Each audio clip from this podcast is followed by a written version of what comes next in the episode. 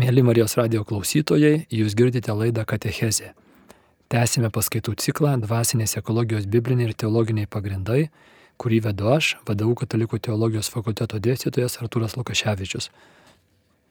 Pirmiausiai norėčiau Jūs pasveikinti su šventomis kalėdomis, Kristaus gimtadieniu, žodžio įsikūnijimu, galutiniu Dievo įsiveržimu į žmonijos istoriją, į kiekvieno mūsų gyvenimą, kuris viską pakeičia karo prieš blogį pabaiga jau yra nulemta, nors karas nėra pasibaigęs, tačiau mes turime jau užtikrinimą, kad gėris, Dievas laimės ir mums belieka tik tai išlikti jo pusėje. Tai to ir linkiu ramių, gražių, palaimintų švenčių. Tęsime mūsų žvilgsnį į žmogaus lytiškumą. Vėlgi žiūrime į lytiškumą integraliai, biblinės antropologijos, kuri žmogų supranta kaip dviejų organizmų - materialaus kūno ir dvasinės sielos vienovę šitame kontekste. Žvelgime žmogaus lytiškumą, jau kalbėjome dvi laidas apie tai ir šiandien mano tema yra skaistumas, apibendrinanti lytiškumo plotmę dorybė, savybė. Turbūt viena iš pačių nepopuliariausių šiandien dorybių yra skaistumas ir kaip ir visi kiti krikščioniškiai dalykai, jinai yra nepopuliari todėl, kad nesuprasta yra. Prisimenate tikriausiai prieš keletą paskaitų kalbėjau apie šventumą kaip apie laimingumą. Jeigu mes bandytume tą svarbų krikščioniškai terminą šventumas, šventasis, šiandieniam žmogui jam suprantama kalba išreikšti, tai būtų tikriausiai tiksliausias žodis laimingumas. Būti šventu, tai reiškia būti sveiku, ryšys yra tarptų savokų šventumas ir sveikumas, bet daugiau negu sveiku. Šventumas reiškia tą visapusišką, giluminį, pilną žmogaus laimingumą, buvimą palaiminto. Ir jeigu šitai formuluotume klausimą apie šventumą, ar norite būti šventieji, ar norite, kad jūsų vaikai būtų šventieji, performuotume, ar norite būti laimingi, ar norite, kad jūsų vaikai būtų maksimaliai įmanomai laimingi šioje žemėje ir amžinybėje, tai niekas nesakytų į neigiamai, be abejo, visi mes norime savo vaikams pačios didžiausios laimės. Tai ta laimė ir būtų šventumas, kuri prasideda jau šioje žemėje ir užsibaigia, įsipildo maksimaliai amžinybėje. Tas laimingumas, kurį krikščionybė vadina šventumu. Tai skaistumas būtų nekas kita kaip šventumas arba laimingumas litiškumo plotmėje. Tai reiškia būti skaiščiu, tai reiškia būti šventu litiškumo plotmėje arba kitaip sakant būti laimingu, maksimaliai įmanomai laimingu litiškumo plotmėje. Ir vėl skamba labai paradoksaliai, nes dažnai žmonės krikščionybę ir katalikų bažnyčią supranta kaip tokią moralizuotoją, kuri tik tai pirštų grūmoja ir draudžia visus seksualinius malonumus, kurie yra blogi. Tai šitas požiūris būtų labai nekrikščioniškas ir Jonas Paulius II savo kūno teologijoje toje didžiojoje moralinėje revoliucijoje, kurią jisai sukėlė savo trečiadienio audiencijomis kūno teologijai skirtomis, jisai parodė, kad ne, krikščioniškasis, katalikiškasis požiūris į žmogaus lytiškumą yra teigiamas. Dievas sukūrė žmogų kaip lytinę būtybę, kaip vyrą ir moterį, palaimino juos vaisingumu, kuris reiškia per lytinius santykius, vaisingumas ir tie lytiniai santykiai yra malonūs, jie išreiškia lytinį potraukį, kuris taip pat yra Dievo duotas. Tai va šitie visi dalykai yra geri Dievo kūrybos dalis ir mes, kalbėdami apie litiškumą, pristatydami katalikiškai požiūrį į žmogaus litiškumą, turime pradėti nuo šitų pozityvių dalykų, nuo teigiamų dalykų. Tai yra gera, tai yra Dievo kūrybos dalis. Kaip ir visi sukurtieji dalykai, jie turi savo ribas.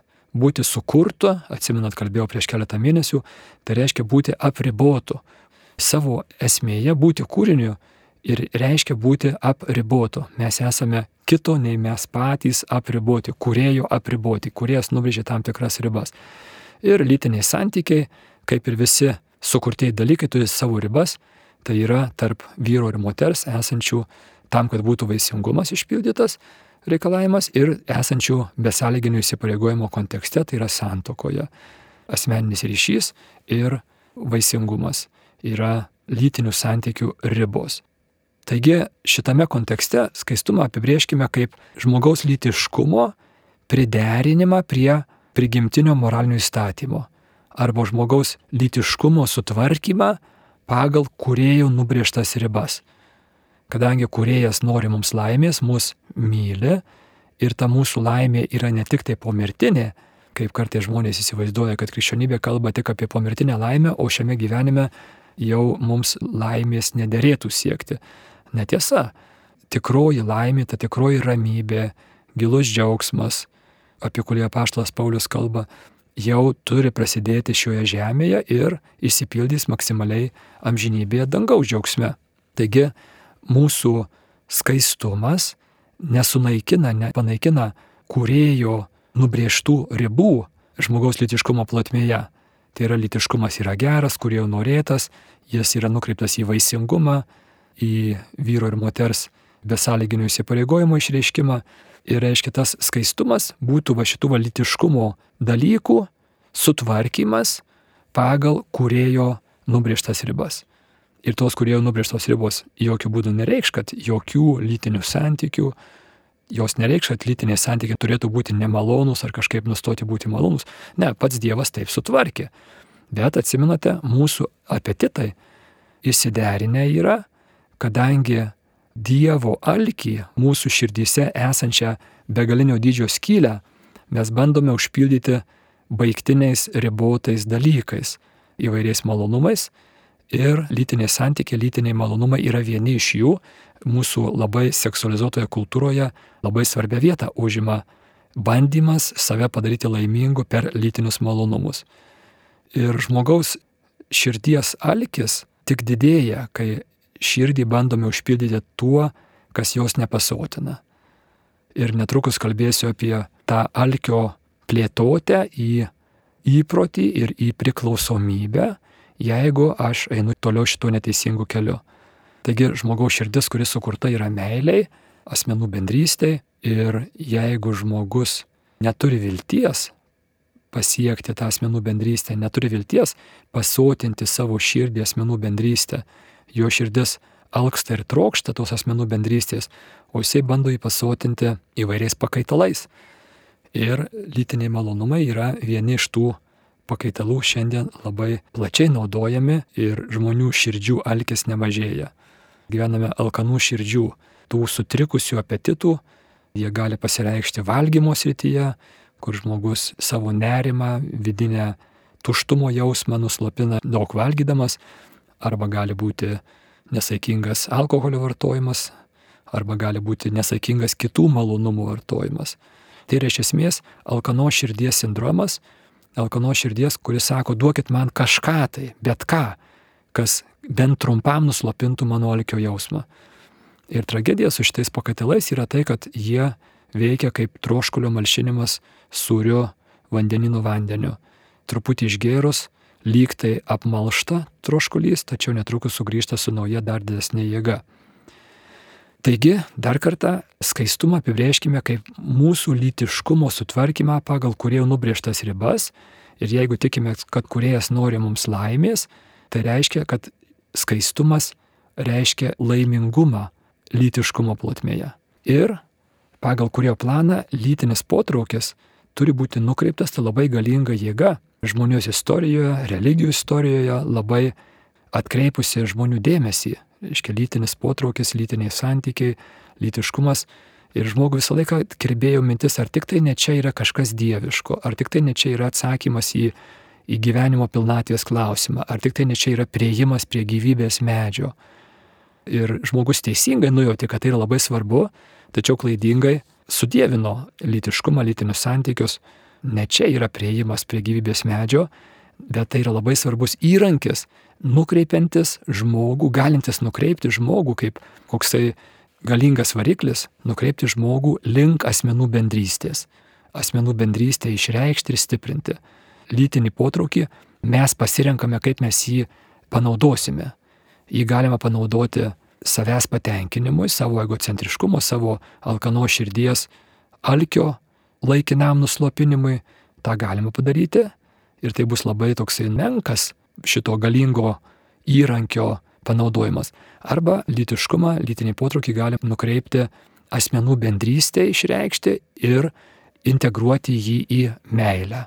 Lytiniai santykiai gali, gali išreikšti, žmogus pasirenka ir jisai lytinius santykius panaudos aukščiausiam įsipareigojimui išreikšti. Tam vieninteliškam santykiui išreikšti, kur lytinis aktas išreiškia tą priesaiką, aš esu tavo besąlygiškai ir priimu tave besąlygiškai. Mes renkamės, kaip mes panaudosime mūsų lytiškumą, mūsų lytinius santykius. Ir katalikiškų požiūrių lytinio potraukio nukreipimas asmenų bendrystei, tai vienybei išreikšti, stiprinti ir būtų skaistus arba pagal kurio planą sutvarkytas lytinis potraukis. Vėlgi prisimename tas vienišumo epidemija pasaulyje, kur jau netgi atskiros šalys ministerijos lygio sprendžia tą problemą, jinai yra susijusi su neteisingu savo lytiškumo panaudojimu. Jeigu žmogus savo lytinį potraukį, savo lytiškumą nukreipia pramogavimui, tai tada jisai praranda tą lytiškumo galę kaip pagalba judėti į asmenų bendrystę, į gilius santykius. Ir neturėdamas tos galios, to įrankio, jisai neturi ir gilių santykių. Ir neišvengiamai toks žmogus bus vienišas. Ir turint mintį dabar labai stipriai litiškumo nukreipimą į pramogavimo sritį per pornografijos visą epidemiją, nekeista, kad daugybė žmonių yra tiesiog labai vieniši, nes jie praranda tą labai svarbų įrankį, kuris sulydo, suklyjuoja, suvienyje porą, iš to santykio gimsta vaikai ir anūkai ir tada jau vienišumų vietos tiesiog nelieka, net kartais toks žmogus ieško, kaip čia pabūti vienam truputį ramybėje, bet didelės vienybės ryšys, kuris yra labai vaisingas, tas visiškai eliminuoja vienišumo klausimą ir yra iš esmės dangaus bendrystės provaizdis. Taigi mes esam kviečiami per skaistumą ugdytis nevartotiškoje požiūrį litiškumo srityje į kitą žmogų kaip į asmenį, o ne kaip priemonę malonumui pasiekti. Mūsų vartotojiška kultūra mus skatina viską vartoti, būti radikaliais vartotojais ir mes vartojame iš esmės viską tame tarpe ir kitus žmonės, kitus asmenis. Paradoksaliai mes skatiname mylėti maistą, mylėti pizzą, net kartais girdžiu, kad turim mylėti pinigus, o vartojame žmonės. Be abejo, toksai požiūris tikrai bus labai dvasiškai neekologiškas, labai dvasiškai išderinantis. Ir tai nėra lengva, kadangi mūsų lytiškumas ir lytinis potraukis, lytinis malonumas yra labai artimai susijęs su meile. Tai yra pagal kurio planą jisai turi išreikšti meilę. Lytiniai santykiai, lytinis elgesys turi išreikšti meilę.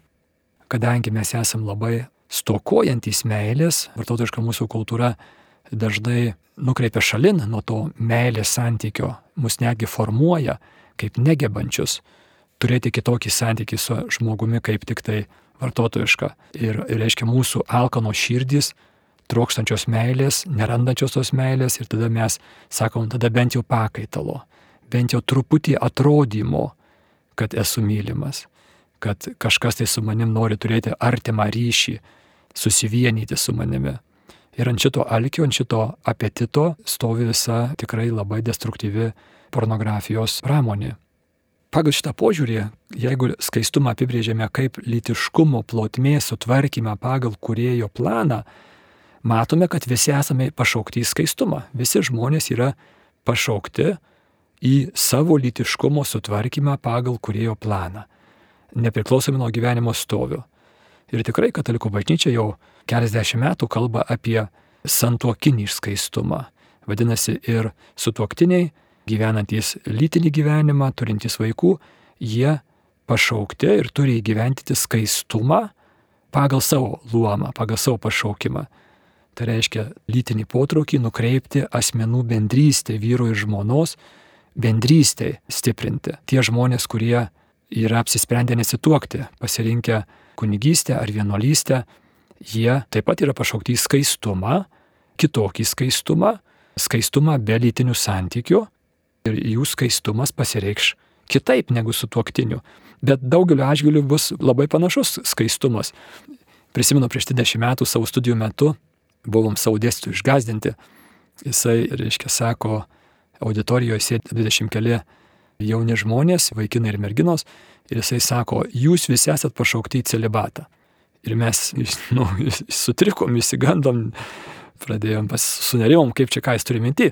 Na, sako, žiūrėkit, tai reiškia, tie iš jūsų, kurie susituoksite, tai jūs būsite celibatiniai visų septynių milijardų planetoje gyvenančių žmonių atžvilgių išskyrus vieną.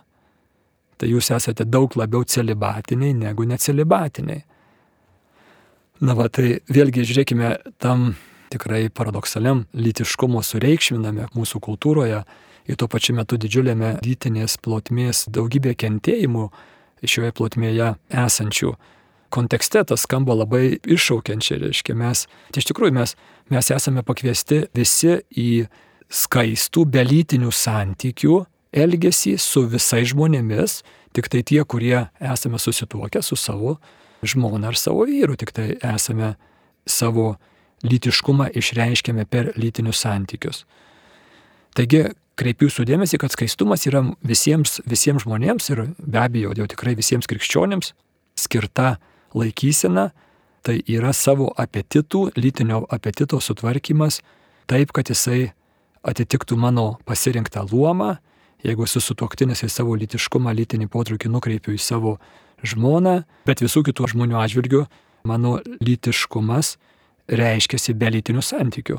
Jeigu žmogus yra besiruošiantis santokai, tai jo lytiškumas, jisai reiškia ruošiasi tam stoviui, kuriame jisai išreikš savo lytiškumą kaip meilę, kaip meilės išraišką su vienu žmogumi visoje planetoje. Ir kai kurie žmonės yra apsisprendę nesituokti, vėlgi jie savo lytiškumą išreiškia be lytinių santykių. Tačiau visas mūsų bendravimas yra neišvengiamai lytinis bendravimas, kad ir kaip keistai ir paradoksaliai tai skambėtų, nes mes visą laiką esame lytinės būtybės. Tas mūsų lytiškumas reiškia ir mūsų mąstymė, ir jausmuose, ir, ir daugybė anegdotų ir, ir karikatūrų yra, kaip skirtingai vyrai ir moterys prieina prie problemų sprendimo, kaip mato pasaulį, save pačius. Skirtingai reiškia, mes visą laiką esame lytinės būtybės ir mūsų bendravimas šitokiu būdu visą laiką yra lytinis bendravimas, nes mes kaip lytinės būtybės. Tačiau tik lytiniai santykiai yra pagal kurio planą tik tai santuokoje.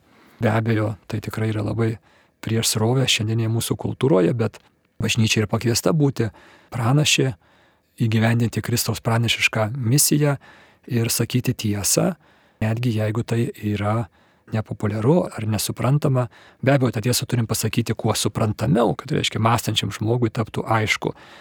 Tačiau niekada nebūtų teisinga vaikantis populiarumo nepasakyti tiesos. Taigi turim atskirti skaistumą ir lytinių santykių neturėjimą. Lytinių santykių nebuvimas nėra tapatus, nėra tas pats, kas, kas skaistumas. Tai yra du skirtingi dalykai. Žmogus gali būti lytiškai santykiaujantis, sutoktinis ir skaistus. Ir taip pat žmogus gali būti lytiškai nesantykiaujantis, nesvarbu kokiam luomė, ar jis būtų nesusituokęs, ar jis ruoštųsi tuoktis, ar jis būtų apsisprendęs nesituokti, ar būtų jau kunigystės kelyje, ar vienuolystės kelyje, ir jis gali būti neskaistus. Jisai be lytinių santykių, tačiau neskaistus. Labai paprastai tai būtų įvairios kitos neskaistumo formos, iš kurių šiandien populiariausia būtų pornografija, labai paplitusi, praktiškai siaubianti vakarų pasaulį, problema didžiulė ir tikrai turinti įtakos mūsų nerimui, mūsų pykčiui, agresyvumui ir mūsų vienišumui. Ir iš esmės tai yra susijęs su labai giliais dalykais, su mūsų saviverte, mūsų identitetu, tapatybė, kas mes esame. Ir žmogus, kuris praradęs tuos giluminius tapatybės ir savivertės pagrindus, jisai neišvengiamai links į kažkokį kompensaciją. Labai sunku pakelti tą savo vertės nebuvimo jausmą, tada reikia kažkaip tai jį pakompensuoti. Ypatingai paauglių tarpe, kurie meilės mažai patyrė, pornografija yra tiesiog epideminio pobūdžio ir kadangi dėl jos šeimos yra ir lytiniai santykiai ir kiti santykiai šeimoje prastėja, reiškia atsiranda dar daugiau sužeistų meilės nepatyrusių vaikų ir tokiu būdu gaunasi toksai sniego kamulio efektas. Gi neskaistumas būtų visų pirma, tai paprastai šnekant, būtų vartotojiškas požiūris į lytiškumą, savo poreikių patenkinimui, savo norų, apetitų patenkinimui. Jisai iš esmės susijęs su, kaip jau sakiau, su žema savivertė ir su tapatybės krize, su nežinojimu, kas aš esu. Todėl skaistumo ūkdymas neišvengiamai eina kartu su savivertės ir tapatybės ūkdymu. Taip pat skaistumas, kaip matome, nėra tiesiogiai susijęs su lytiniu santykiu turėjimu arba neturėjimu, jis yra vidinė nuostata, tam tikras vidinis apsisprendimas, nevartotojiškai žiūrėti į kitą žmogų. Ir todėl jį galima atstatyti. Ir mes visi esame kviečiami atstatyti mūsų skaistumo nuostatą, mes visi esame kviečiami būti skaistus ir niekas ne, nesame taip šimtų procentų arba neskaistus arba šimtų procentų skaistus. Visi esame kažkur tai. Kadangi visi esame sužeisti, visi nepatyrėme tiek meilės, kiek mums reikėjo jos, kadangi gyvenome ir gyvename nusidėjusių, silpnų, sužeistų žmonių pasaulyje, tai mūsų visų vidiniai apetitai, tame tarp ir lytinis apetitas yra sutrikęs ir mums visiems reikia dėti pastangas skaistumo ūkdymui, o tam reikalingas apsisprendimas. Iš kitos pusės, tas neskaistumas gali pasireikšti priešingu būdu kai santokoje, gal dažniau moterų tarpe, pasitaiko vėl dėl įvairių sužeistumų ar psichologinių, ar dvasinių problemų, moteris nenori arba vengia lytinių santykių, tai irgi būtų kurėjo tvarkos, kurėjo nubrieštų ribų tam tikras sutrikimas ir lytiškumo plotmėje ir pagal šitą apibrėžimą tai irgi būtų tam tikras neskaistumas. Tai matome, kai tas rytis yra išderinama, tai netvarkingumai gali būti, taip sakant, į abi pusės vykti. Vėlgi, kadangi dirbu su sužadėtiniais ir su pasauliečiais nemažai, vedu katechezės, kalbu su žmonėmis, tai tai, ką kalbu dabar, tikrai suprantu, kaip, kaip mūsų šiuolaikinėje kultūroje tai skamba beveik neįmanomai. Ir vėl nereiktų nusiminti, su Dievo pagalba mes esame kviečiami judėti teisinga kryptimi. Mes nesame užbaigti, mes nesame pasiekę jau reikiamą lygį, bet esame kviečiami, nesvarbu kokiame, kokiame etape esame. Viena mano gera pažįstama, kuri taip pat dirba su sužadėtiniais, pasakojo tokį atvejį. Nekalba apie katalikišką požiūrį į tiškumą, išdėstė sužadėtiniams, sužadėtinio auditorijoje ir sako, jau tai paskaitos antroje pusėje vienas vyrukas taip nedrąsiai kelia ranką ir paklausė tokį klausimą, sako, tai ar aš teisingai jūs supratau, kad iki santokos negalimi jokie lytiniai santykiai. Ir ta mano pažįstama sako, va kaip tiksliai išreiškia, tas žmogus negali patikėti, jisai tikrinas ir teisingai išgirdo, tai yra beveik neįmanomas dalykas. Ir tikrai šiandien, kaip žinome, net tie žmonės, kurie ruošiasi katalikiškai santokai, iš esmės jų didžioji dalis jau gyvena intimų gyvenimą ir tame nemato problemos. Bet tai, kad jie nemato tos problemos, nereiškia, tos problemos nėra. Kaip praeitoj paskaitoj minėjau, statistika šiuo atveju yra pakankamai negailestinga, kad tos poros, kurios gyvena intimius santykius iki santokos, netgi jeigu jos po to susituokia, jos e, pablogina savo problemų sprendimo galimybės ir gebėjimus, skirybų šansas padidėja labai ženkliai, net iki 50 procentų ir kai kurie tyrimai rodo net ir didesnį procentą. Tai mūsų skaistumas yra labai svarbi dalis mūsų to vidinio organizmo tvarkos, tų struktūrų ir nepriklausomai nuo to, ar mes tuo tikime ar netikime, mūsų tas vidinis organizmas, mūsų siela yra tokia, o ne kitokia.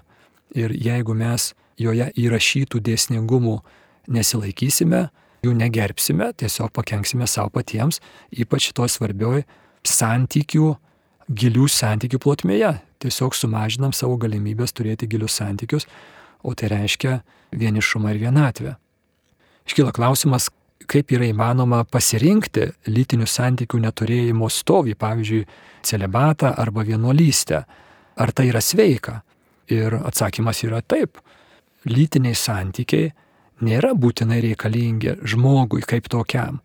Žmogui kaip homo sapiens sapiens rūšiai reikia valgyti, miegoti, gerti vandenį, kitus skyščius, vitaminų reikia, reiškia, yra dalykai, kvėpuoti, yra dalykai, kurie mums būtini, kad mes būtume sveiki ir laimingi, be kurių mes negalėsime nu, funkcionuoti tinkamai. Tai lytiniai santykiai šitai kategorijai nepriklauso ir tarp kitko ne tik krikščionybėje, bet ir kitose religijose ta įžvalga buvo ir daugybė žmonių pasirinkdavo, atrasdavo tą stovį kaip labai džiaugsmingą, jokių būdų ne savęs kankinimo, o kaip galimybę tokiu būdu išgyventi dvasinį gyvenimą. Ir tada žmonės sako, bet tai kaip tai įmanoma, tai kaip, kaip jaunas vyras, kunigystėje šventytas, kaip jisai gali susilaikyti, tai labai nesveika. Nesveika, jeigu skaistumas arba celibatas suprantamas labai siaurai, taip va, kūniškai, kaip, reiškia, kaip, kaip lytinių santykių neturėjimas. Tačiau jeigu žmogus suprantamas integraliai, kaip kūnas ir siela, siela tai protas ir jausmai, ir širdis, ir vaizduotė, ir atmintis, ir intuicija, o tas visas integralumas. Ir jeigu žmogus gyvena tą pilnavertį integralų skaistumo gyvenimą, tai tada lytinių santykių neturėjimas yra labai natūraliai ir, ir nesunkiai iš to išplaukiantis. Ar nesunkiai, ar, ar kartais kovos reikalingos, neišvengiamos yra, bet iš esmės yra tikrai įmanoma ir tai nėra nesveika. Bet jeigu jaunas vyras leidžia savo prieš akis įvairias reklamas ar, ar neskaistumą skatinančius vaizdus, plaukti ir žiūrėti savo leidžia, tai be abejo, kad jau jisai neskaistumą išgyvena savo vaizduotėje, Ir kadangi mes esame artimai susiję su kūnu, mūsų siela, tai tada jau kūniškoje plotmėje susilaikyti nuo neskaistumo bus daug sunkiau. Tai reikalingas tas integralus požiūris ir jo laikantis, kas nėra lengva, nes mūsų kultūra kartais piktybiškai mus bombarduoja. Visi esam patyrę kompiuterio ekranuose iššoka neskaistumą skatinantys vaizdai ar reklamos ar kvietimai įvairūs ir tai apeliuoja į manyje esančius sužeistumus, į manyje esančius apetitus. Taip, tai egzistuoja manyje kaip puolusiame žmoguje, kiekviename iš mūsų taip egzistuoja, reikalinga kova, bet ta kova yra įmanoma, su Dievo pagalba mes privalome ją kovoti, jeigu norime žengti šituo skaistumo keliu. Tai reiškia seksualinio laimingumo keliu. Vėlgi kreipiu jūsų dėmesį, tai nėra nelaimingumo kelias, kaip ir visa krikščionybė, tai yra palaiminimų kelias tame tarpe ir lytiškumo plotmėje. Senokai jau prieš nemažai metų esu klausęs vienoje konferencijoje psichiatrą, psichiatrijos daktarą, dirbantį ir, ir daktaro laipsnį turinti žmogų, kuris pasakojo, kaip vienas tyrimas Junktinėse valstijose atliktas rodė, kad katalikiškos poros santuokos patiria didesnį intimumą ir pasitenkinimą lytinio akto metu. Ir tas pristatytojas sako, štai, reiškia, mes matome, kaip gyvenimas su Dievu nesumažina, o padidina mūsų laimingumą šitoje siauroje, bet svarbioje srityje. Tai vėlgi kreipkim dėmesį, kad skaistumas nereiškia seksualinio nelaimingumo, jisai reiškia tvarkingumą. Ir jeigu tvarkingumas man yra iš principo susijęs su sveikata ir laime, tai reiškia ir šitoje srityje jisai bus susijęs su sveikata ir laimė. Labai geras lakmuso papėlis, pasitikrinkime, ką mes iš tikrųjų manome apie kūrėją. Ar kūrėjas mums nori laimės ir jo valios vykdymas reikštų laimę štai šitoj srityje.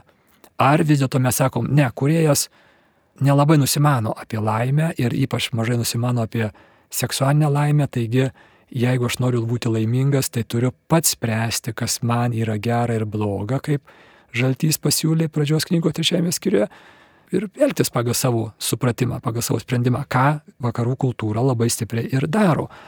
Tai vėlgi iš esmės labai tokia jautris rytis pasitikrinti, padaryti sąžinę sąskaitą, pasitikrinti savo požiūrį į Dievą.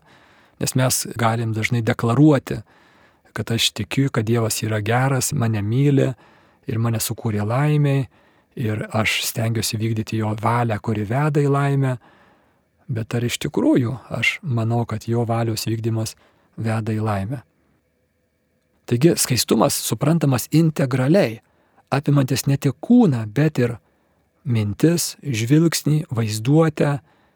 Va šitas skaistumas yra tikrasis skaistumas ir tada tada yra įmanomas ir celibatinis gyvenimas ir santokinė ištikimybė yra įmanoma, kas irgi mūsų seksualizuotame pasaulyje yra dažnai suprantama kaip tokia neįmanomybė bet e, laikantis tos vaizduotės hygienos ir savidisciplinos, tai yra įmanoma. Iš kitos pusės matome, kaip mūsų masinė kultūra skatina mumise tokį nekovingą, nedisciplinuotą, pasiduodantį požiūrį, ypač litiškumo plotmėje. Dar vienas terminas pabaigai susijęs su skaistumu būtų drovumas.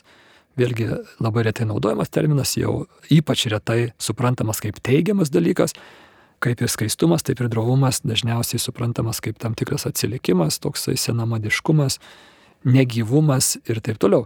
Neteisingas šito žodžio supratimas yra. E, drovumas būtų toks pagarbus elgesio ir aprangos santūrumas lytiškumo srityje. Iškia, tai yra išoriškai matoma skaistumo išraiška.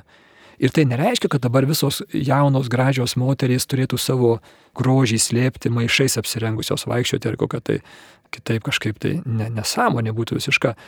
Bet mes esame kviečiami savo kūno grožį neslėpti, bet pateikti ne kaip spastus kitam žmogui, ne kaip spastus kviečiančius į pagundą kitą žmogų, bet kaip Dievui garbę, kuris sukuria tai štai tokį gražų žmogų teikiančius.